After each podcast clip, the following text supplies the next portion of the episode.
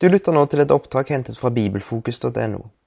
Du kan kopiere det fritt i uforandret form til egen bruk eller til venner, men publisering på internett eller annen form for massedistribusjon er ikke tillatt. Det er heller ikke tillatt å fjerne denne meldingen. Ja, vel møtt. Det som ble mitt eh, emne dette året, det blei andre kongebok fem. Og der finner vi ei veldig kjent beretning. Og eh, hvis du får anledning, så les det kapitlet. Hvis du får anledning mellom eh, Du skal ikke akkurat be om stuggevær så du får tid til å lese, men, men hvis du får anledning, så les det kapitlet. For det blir så mye lettere å følge med. Og vi skal lese først der noen få vers.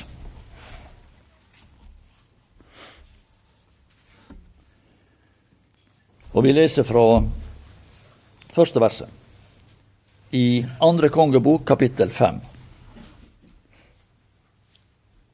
Naaman, øverstkommanderende for hæren til kongen av Syria, var en mektig og aktet mann hos sin herre for ved ham hadde Herren gitt seier til Syria. Han var også en mektig kriger, men han var spedalsk. Syrerne hadde dratt ut for å plyndre, og de hadde tatt til fange en ung pike fra Israels land. Hun tjente nå hos Naamans hustru. Så sa hun til sin husfrue, hvis bare min herre var hos profeten i Samaria, da ville han fri ham fra spedalskheten hans.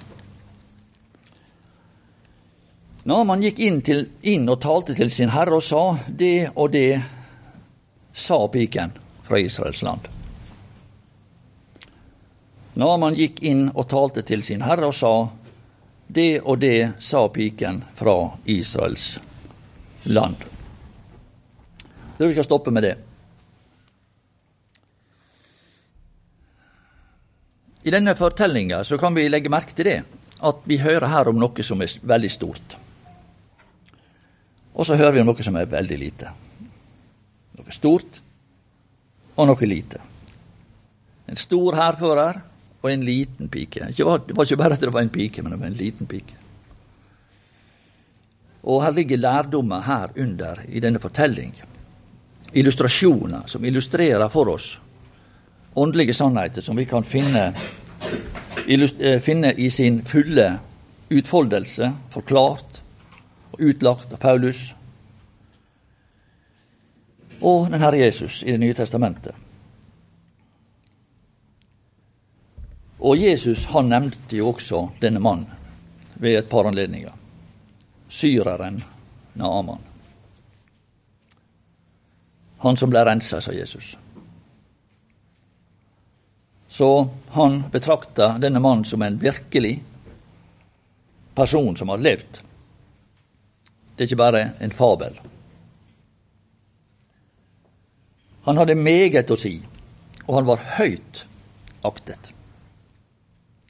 For ved ham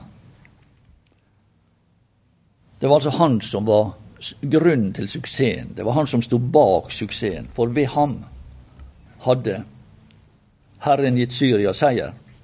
Han var en veldig krigsmann. Og Det er ikke ofte at en mann blir illustrert eller beskreven ved så store ord i, i Skriften heller. Så han var en ener. Han var altså en, en suksess. Slik som vi drømmer om det å være, alle sammen, djupest inne. Og ikke bare i andre sine øyne, men han var også en suksess i sine egne øyne, som vi skal finne ut seinere.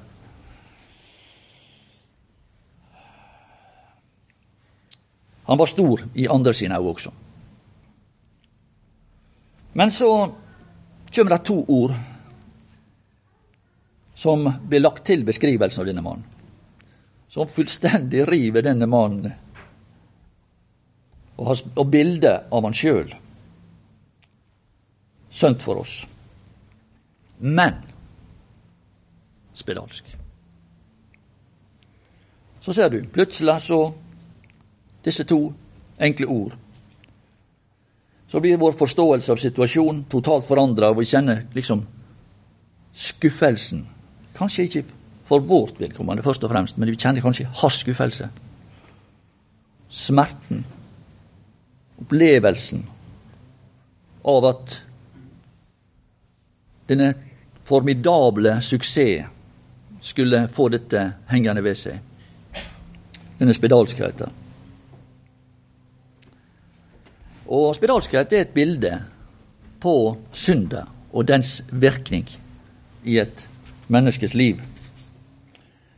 Og den vil etter hvert utvikle seg, og sakte, men sikkert skape omforming av, det, av legemsdeler, og hele kroppen blir synlig deformert og ødelagt. Det er en langsomt pågående prosess. Og til slutt så vil den føre til døden. Og slik er det også med synda. Menneskets sitt syndens spedalskhet, om vi vil bruke det uttrykket, vil til slutt legge oss alle ned i døden, adskilt fra vår skaper, borte for alltid. Det er Bibelens lære om synden som bor i meg, sier Paulus. Men denne fortellinga den sier oss også, som vi allerede har vært inne på, noe om denne mannens sjølforståelse, og, og mennesket generelt. Menneskets sjølforståelse. Om vår posisjon, om menneskelig jåleri, for å bruke det uttrykket. Og storhetstanker. Og så lenge vi kan ignorere spedalskheten og så lenge Satan kan holde alvoret på avstand,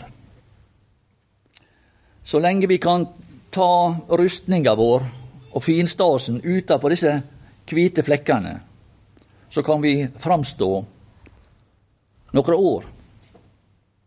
På tross av det at synden bor i meg, så kan vi leve et helt liv og kle på oss rustninga vår, slik som Naman og framstå tilnærma som det som alle drømmer om. Å leve opp til the American dream. Det er det som liksom er alle mennesker sitt ønske. Men Det var det store, det imponerende i denne fortellinga, så hører vi om noe lite. Syrerne hadde en gang gjort et herjetog og bortført en liten pike som fange fra Israels land. Og her har vi den rake motsatte situasjonen. Og her ser vi vondskapen, syndens vondskap, i utfoldelse. Og denne lille jenta ble utsatt for forferdelig vondskap. Ble revet ut av sin egentlige sammenheng og plassert som slave i et annet land svak, uten styrke, og kunne ikke gjøre sine valg. Hva ville gjøre og ikke gjøre? Hun var tjener, eller hun var i tjeneste hos Namans hustru. Og dette er også et bilde på hva synda gjør med mennesket, og har gjort med oss alle. Alle. Vi er ført bort fra vår opprinnelige tilhørighet hos Gud. Mektige krefter har gjort oss til syndens treller. Vi er ufrie. Synda den er i oss, den er over oss, og den er rundt oss, sier Guds ord. Så det, det er ikke noen som ønsker å snakke om den lille, bortførte piken. Vi vil heller snakke om Naman. Ikke sant? Og mennesket forbigår den lille og det usle, det svake, som også handler om mennesket, som er en reell beskrivelse av hva, hva synd har gjort oss til. Denne, denne lille jenta hadde ingen status. Fordi det illustrerer for oss hva vi alle veit om oss sjøle innerst inne. At vi er bare en liten forskremt, hjelpeløs lita jente overlatt til krefter som vi ikke kan stå oss imot. Men her i denne fortelling så er denne lille jenta, som tilsynelatende er som alle andre, viste seg å være helt annerledes. Hun var helt uvanlig. Hun hadde et formidabelt vitnesbyrd om en person som på en, en måte, i en forstand, var langt borte. Men denne personen som hadde møtt, hadde forandra hennes forhold til sine omgivelser, som vi ser. Selv om han på en måte var langt borte, i et annet land. Profeten, om min Herre var hos profeten og hadde møtt et menneske som hadde gjort et djupt og varig inntrykk på henne, og som hadde gjort at hun hadde et hjerte av gull. Et hjerte av gull. Hun hadde et enkelt vitnesbyrd om denne personen som var langt borte, men som viste seg ikke å være langt borte. Han bodde i hjertet. Han var der. Han var i Syria når hun var der. Slik er det også med våre hjerter. Kristus er på en måte langt borte, men han kan være i ditt hjerte mens du er her. Midt i disse vanskelige forhold. Så er han likevel ikke langt borte.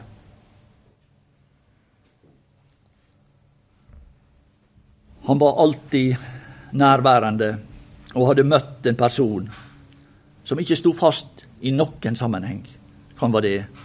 Det var profeten Elisa. Bildet på den Herre Jesus. Han som aldri sto fast i noen sammenheng. Han var ikke langt borte. Han er et bilde på, på profeten Jesus fra Nasaret.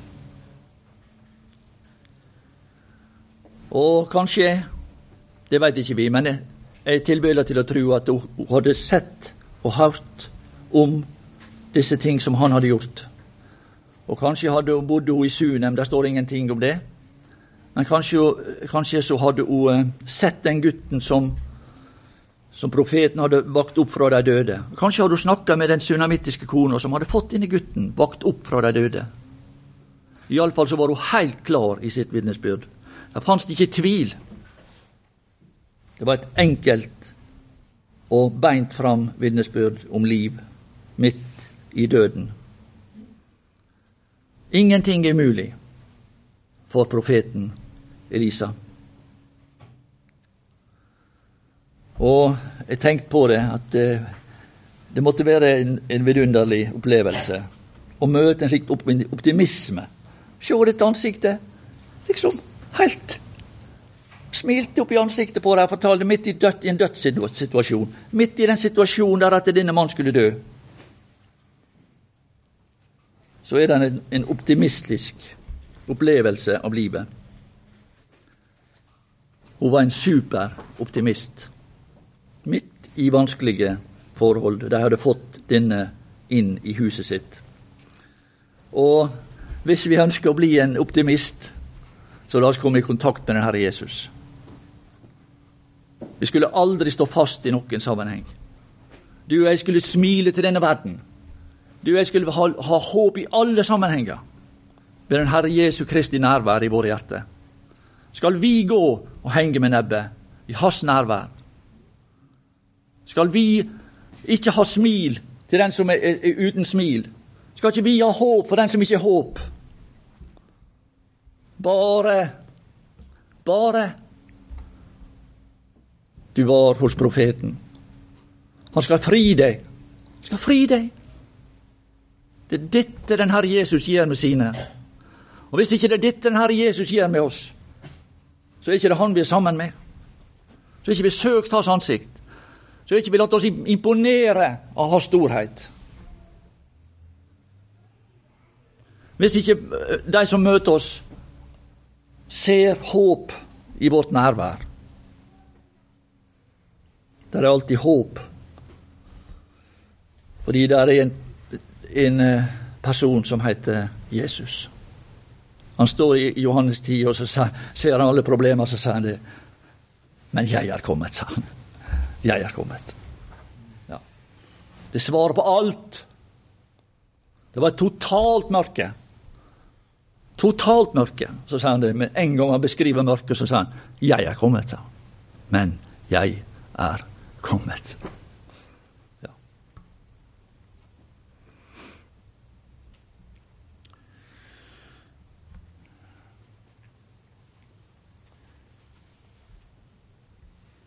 Bare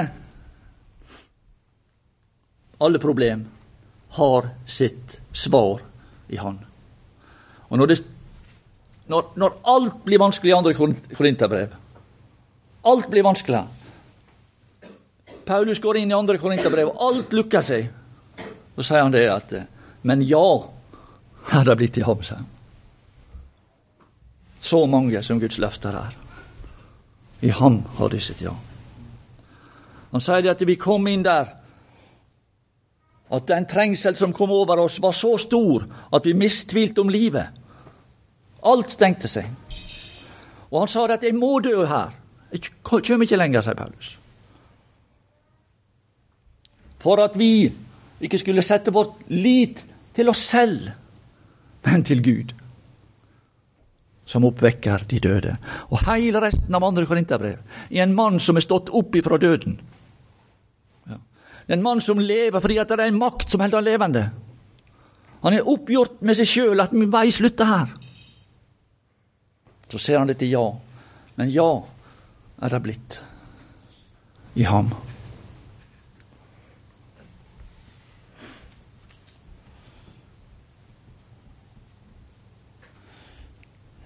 Ja, hvorfor skulle denne lille jenta ønske noe godt for Naman? Hvis det var ei, vet du hva jeg har tenkt? Ha-ha, det var bra. Tenk han er spedalsk, du. Det var bra. Håper han dauder fort. Ja, hvorfor ikke? Han hadde jo røva en stakkars jente bort ifra heimen. Det er den menneskelige tanke. Det er den menneskelige tanke. Hevn og vonde tanker. Han skal iallfall ikke få høre om profeten i Samaria. Det skal han iallfall ikke få høre om. Han skal ikke få høre om han som kan hjelpe.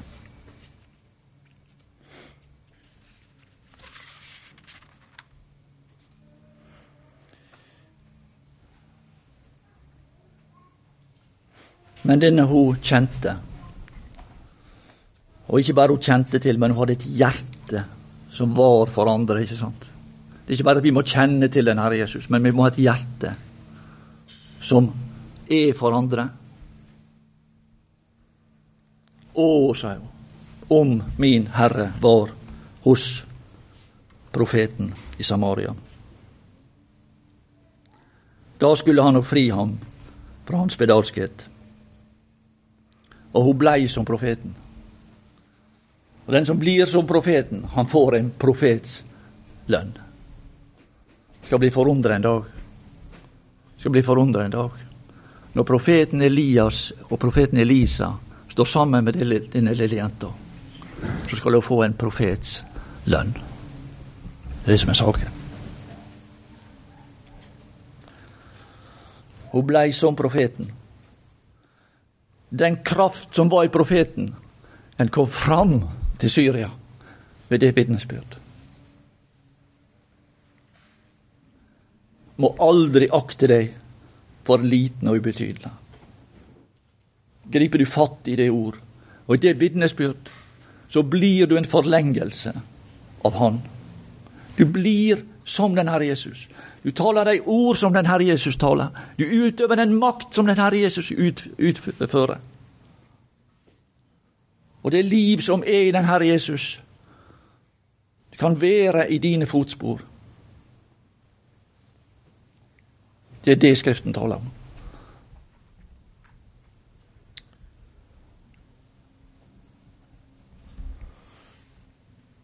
Vi blir som den Gud vi ber til.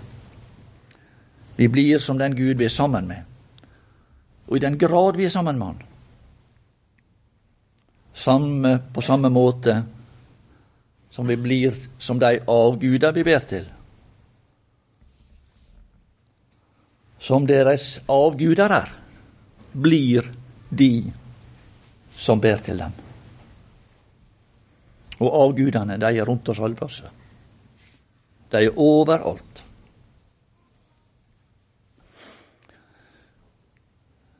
Jeg kom for meg et ord i Romerbrevet 6. Og vers 17 så står det det at Men Gud være takk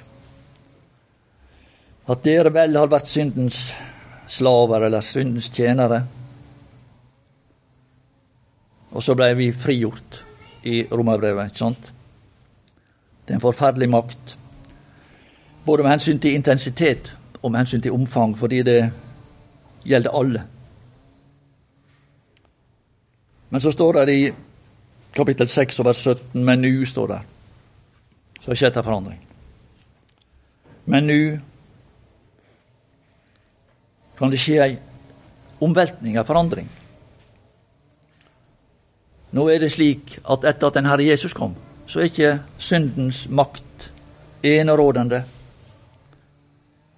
Den gode makt kommer inn i romerbrevet. Sterkere enn det onde.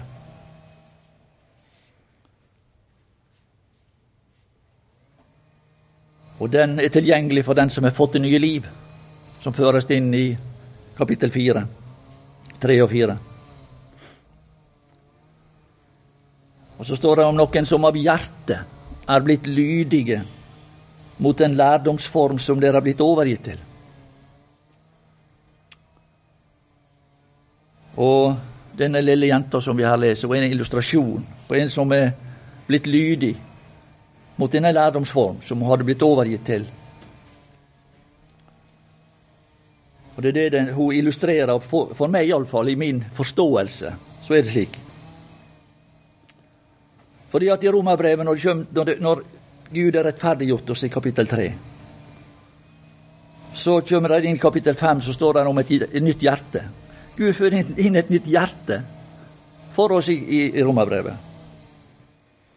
5.5. Fordi Guds kjærlighet er utøst i våre hjerter ved Den hellige ånd som er oss gitt. Og her i kapittel 6 så starter denne starter denne gjerning og forme oss og forme oss til å bli noe nytt, noe stort. Og det er snakk om, Hvis du legger merke til der i kapittel 6, så står det om en form. En lærdomsform som tar sikte på å omforme oss. Og læra, den er forma som former oss inn i denne lære. Denne lære skulle på en måte omslutte oss og skape oss. Lærdomsform. Den skulle forme oss til å bli så skjønn som denne lille jenta. Til å skape dette smilet. Skape den optimismen. Ikke sant? En lærdomsform. Hjertet er det på en måte som styrer personligheter, som fyller liv i dette her. Som er liv i denne forma. Og Den hellige ånd er det som driver dette livet fram. Denne krafta som beveger oss. Og det er ei vidunderlig form som her blir beskrevet for oss i Romerbrevet 6. Og et fantastisk resultat om vi går inn og lar oss forme. Lar oss forandre fra å være noe til å bli noe annet.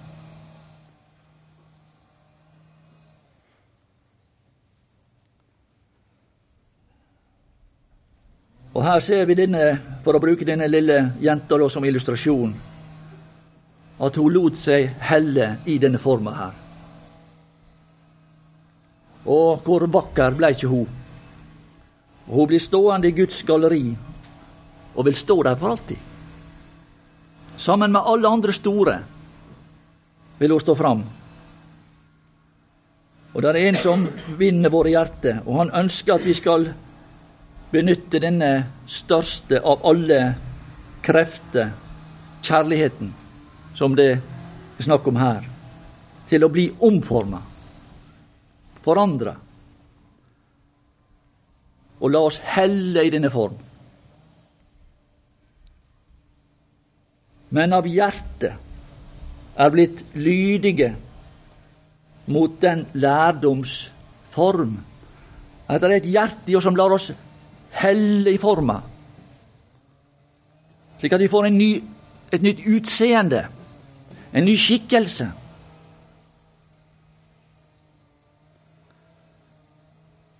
Den lærdomsform som dere er blitt overgitt til, ikke sant? Du blir hella i forma. Du lar deg omforme. Vi er blitt overgitt til og vi blir, vi blir helt ut av vår nåværende form ved disse krefter som påvirker oss. Og hvis det ikke er eksterne krefter, som får, blir vi som vi var før. Like sure, like bitre, like hevngjerrige, like lite elskverdige og akkurat like umedgjørlige og uten evne til å hjelpe noen som helst. Samme hva spedalsk greier. Ikke sant?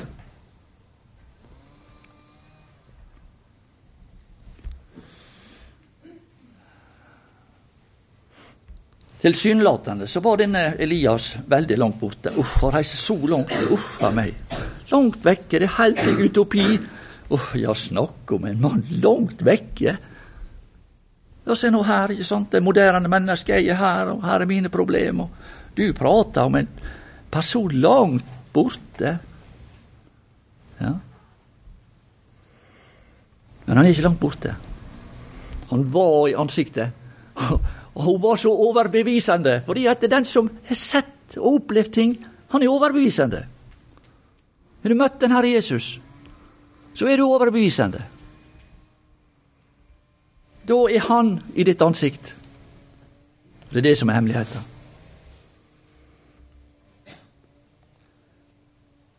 Han tar førsteplassen. Og at i stedet for å tolke alle ting negativt, så tolker hun det positivt. Og når du kommer, åpner Jakobs brev, så begynner du å liksom lure på hva slags mann dette her er. ikke sant? Akt det for bare glede, sier han når dere kommer i alle slags prøvelser. Uff, uh, hva slags mann har møtt her. Hva slags mann er dette her? Akt det for bare glede. Sant? Så går problem, problem. Problem. Og straks problemet kom opp, hva gikk tankene til denne lille jenta? De gikk til Han som kan alt. Og Det er dette som er hemmeligheten for oss og meg og deg også. Straks vi ser behov rundt oss, straks vi ser behov, vanskeligheter, så skal våre tanker automatisk gå til Han. Når vi møter mennesker som vi ser og som vi har kontakt med, som vi kan påvirke, så skal tankene våre gå til Han og sende opp ei bønn. Sende opp en, et ønske. Sende opp en, en, en, tanke. Og med en gang vil du oppdage det at et eller annet skjer med ansiktet ditt. Og de som omgås deg, ser det også. De merker det. De merker at du er ikke en person som er negativ.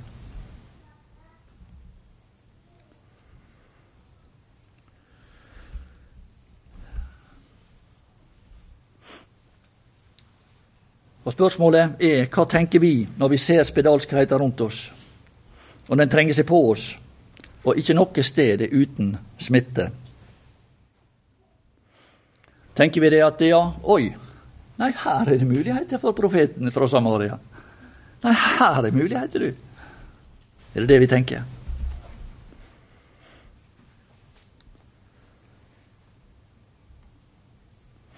Hvordan skal den Herre Jesu Kristi krefter komme til syne hvis det ikke er vanskeligheter? Hvis det ikke er død? Hvis det ikke er svakhet? Hvordan skal da den Herre Jesu Kristi kraft komme til syne?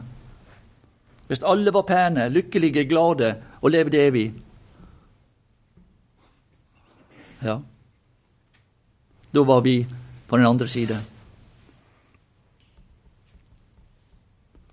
Men samtidig så vet vi det at det er denne situasjonen og slike situasjoner som åpenbarer hva slags krefter som bebor oss. Det er det som er saken. Det er det som er saken. Det blir avslørt totalt. Hva krefter bor i meg?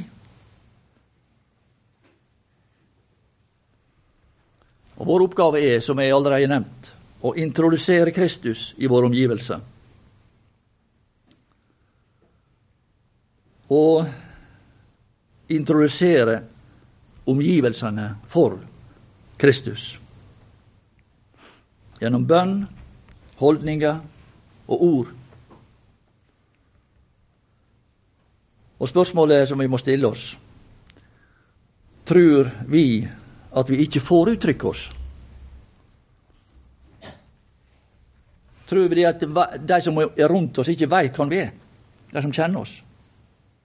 Tror vi det at ingen veit hva som bor i meg?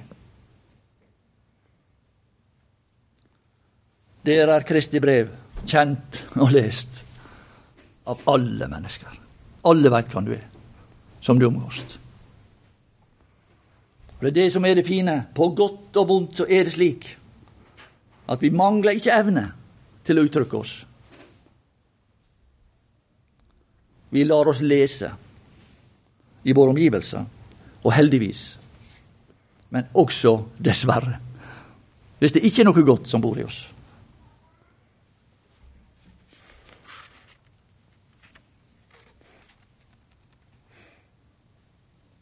Men det er vi som har en anledning, vi som kan tru for den som ikke tru. Vi som kan ha smil for den som ikke har smil. Det er vår mulighet og vårt kall. Og vi kan komme folk i møte med dette, denne innstilling at vi kjenner, jeg kjenner, Han som er helt uten grense i sin kraft og vår utfordring og vårt kall er å gjøre alle andre til gjenstand for disse gode krefter. Og det er ganske utrolig, det som vi leser i denne bok her, og som vi leser hos Paulus, og vi leser i Det nye testamentet. Hva Gud kan få gjøre små personer, ynkelige personer, til. Så du trenger ikke å fortvile. På ingen måte. Gud kan gjøre noe stort i ditt liv om du føler deg liten, om du føler deg ubetydelig. Og det gjør vi alle sammen. Mer eller mindre. For trua i verden, den er forunderlig. Og det finnes ikke noen makt som kan stenge ditt vitnesbyrd inne. Alle omstendigheter kan vendes til det positive, til det gode i selskap med Han den Herre Jesus, det å vite om Han. Da er det ingenting som kan stenge deg inne. Hans kraft kan nå ned til deg i de alle dine omstendigheter, sier Paulus. Det er det han uttrykker. Det er ingen krefter som kan hindre et menneske å være fri midt i sin innelåsthet, midt i sine vanskeligheter. Så stor er denne kraft som bor i profeten Jesus fra Nasaret.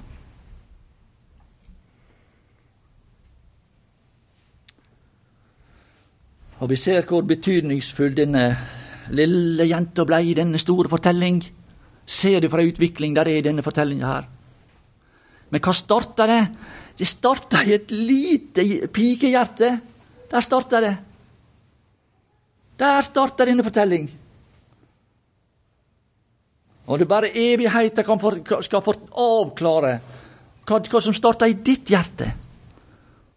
Hvis du ser den mulighet du har til å påvirke dine omgivelser. Hva skjedde? Her.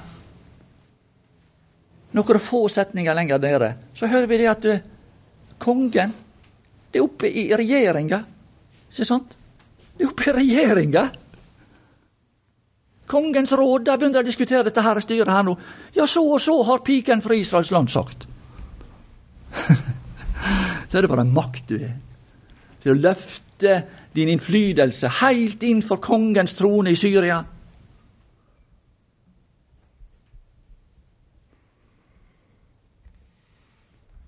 Og hvis vi er interessert i å påvirke omgivelser, så kan vi gå denne vei.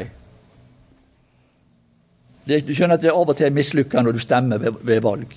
Det blir, ikke, det blir, ikke, det partiet stemte på, fikk ikke innflytelse.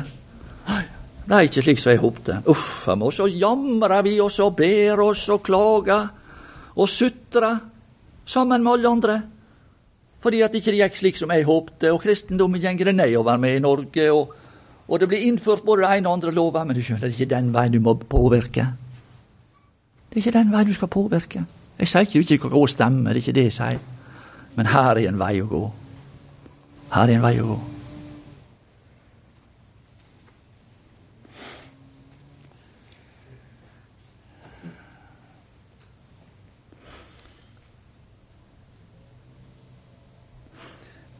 Og vi las her hun tjente nu hos Namans hustru. På overflata så var hun en slave. Men hennes indre der var hun, noen, hun var ikke noen slave inn, inni seg. Og hennes handling, det hun gjorde, avslørte at hun var ingen slave. Av hjertet, står der i romerbrevet. Ikke sant? Ja, det var av hjertet, vet du. Et hjerte av gull. Midt i de omstendigheter. Det er ikke noen som kan hindre deg i å ha et hjerte av gull. Ingen kan hindre deg. Ingen. Av hjertet er blitt lydige mot den lærdomsform som vi er blitt overgitt til. Og der bodde profeten der bodde profeten. Og hva skjedde da? Og disse vidunderlige krefter gjorde henne fri fra slaveriet, fra innsida av. Hun ble fridd fra slaveriet fra innsida. Og løfta henne opp over omstendighetene, slik at det var hun som bestemte hva som skulle skje. Hun tok kommandoen.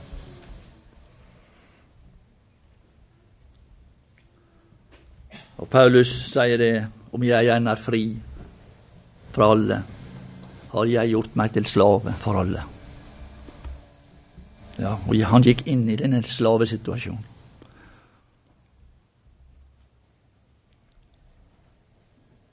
For å i alle tilfeller å frelse noen.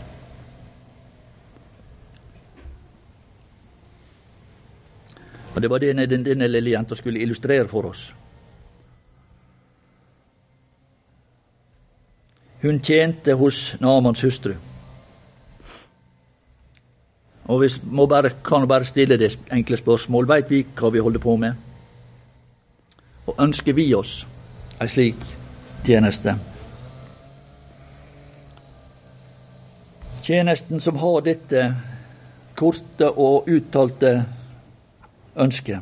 Bare Det er bare det når det gjelder ufrelste folk. Bare min Herre var hos profeten i Samaria. Da skulle han nok fri ham fra hans spedalskhet. Kom han til profeten? Ja, han kom til profeten. Ble han rensa? Ja, ja, ja, han blei rensa. Men hva starta det? Det starta med et lite hjerte, lite ubetydelig hjerte, som lot seg helle i ei form. Av hjertet er blitt lydige. Mot den lærdomsform. Og så blei hun som lærer. Blei hun som forma. Og så hadde det et fantastisk resultat. Tiltaler det deg? Så fins det en vei til å bli et slikt menneske. og tiltaler det deg, så går det også an å bli en rensa Naman. Om du ikke er rensa. Om du ikke er rensa og blitt rein, så fins det ei elv som denne jenta talte om, eller som, ikke som hun talte om, men som hun fikk nåde til å være et vitnesbyrd om og lede denne mannen til. Om den flod som renser fra all synd. Ønsker du å bli rein fra syndens forferdelige sykdom og skade, så kan du bli en slik person. Og så kan du begynne på prosessen som denne lille jenta. Husker du hva det sto, om Naman? Han ble som en gutt, står det. Han ble som en liten gutt. Det er som en liten gutt, som den lille jenta som lot seg hellig forma. Du begynner på nytt igjen. Du får et nytt liv. Så du kan begynne å bli helt i ei form og bli som den Herre Jesus. Og begynne å utøve de krefter som bor i den Herre Jesus. Og bli en solstråle. Bli reist opp fra innsida. Sterk nok til å tåle alle belastninger. Straks eh, sterk nok til å bli bortført fra dine naturlige omstendigheter, bort fra dine ønsker, til å få knust alle dine drømmer i denne verden. Det er mange som måtte ha opplevd. Alle dine drømmer blir knust i denne verden. Men du står igjen med det ene, den Herre Jesus. Bare Jeg har ett vitnesbyrd. Bare han var hos profeten. Han skulle han skulle ingenting å tale om meg sjøl, jeg har ingenting å tale om. Men vitnesbyrdet er om den Herre Jesus. Han skulle fri ham fra hans spedalskhet. Og dette vitnesbyrd, det var så overbevisende. Det var en slik utstråling, så overbevisende, at du fikk hærføreren, denne store mann, og satte kongen i bevegelse. Du skrev brev. Holdt fast på den Herre Jesu Kristi ord. Du kan bli en slik person. Som denne lille fortelling illustrerer for meg det. Vi slutter der. Herre Jesus, takk for ditt ord. Takk for alle disse unge som er samla her, som har denne samme fantastiske mulighet til å bli og komme i de form og bli til noe nytt og noe stort i stedet for å smuldre og bli borte. Og det ber vi om for hverandre, også vi som er blitt eldre. Vi må holde fast på disse løftene disse usynlige ting, slik at det kan bli skapt noe i vår karakter. Og jeg har noen som ikke er frelst, av Jesus, og noen som ikke er latt seg vaske, tvette. Noen som ikke er ut i Jordans vann. La det skje. At vi alle sammen får del i dette livet, som er Guds sønn. Det er uforkrenkelige. Der smiler aldri dør. Det ber vi om i den Herre Jesu navn. Amen.